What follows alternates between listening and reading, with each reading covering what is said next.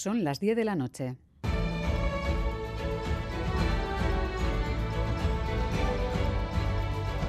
Radio Euskadi y Radio Vitoria.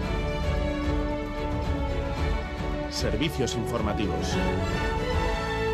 Repasamos los titulares de la jornada con Nico del Val Gabón. Buenas noches, Miriam. Noticias de este viernes 22 de diciembre, el día de la Lotería Nacional.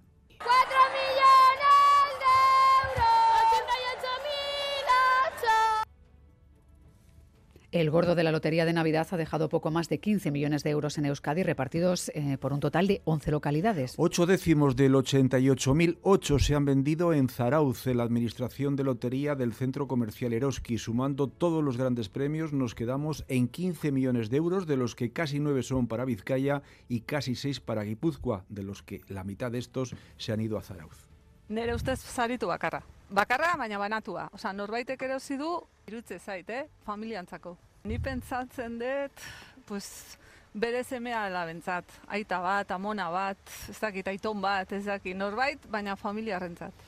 Esta noche en Cámara el consejero de Economía y Hacienda ha destacado la importancia de los presupuestos generales de Euskadi aprobados hoy por el Parlamento Vasco. Pedro Azpiazu también se ha referido a las previsiones económicas del próximo año, un entorno europeo que condicionará el crecimiento vasco, pero que creará unos 16.000 nuevos empleos y la tasa de paro se situará por debajo del 7%.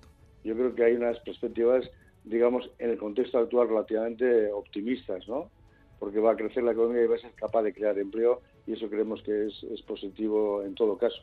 ¿Nos gustaría que fuera mayor ritmo?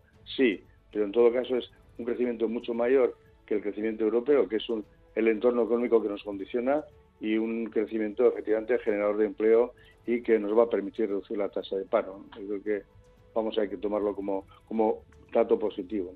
Hoy también ha sido noticia la reunión de Pedro Sánchez con Alberto Núñez Feijo. En la reunión han acordado que la Comisión Europea medie en la negociación para renovar el Poder Judicial. Escuchamos a la ministra portavoz Pilar Alegría. Valoramos positivamente que por fin el Partido Popular se abra la posibilidad de un acuerdo para renovar el Consejo General del Poder Judicial tras cinco años de incumplimiento de la Constitución. Con esta noticia terminamos. Más noticias en una hora y en todo momento en itv.eus y en la aplicación ITV Albisteac. Ego Berrión.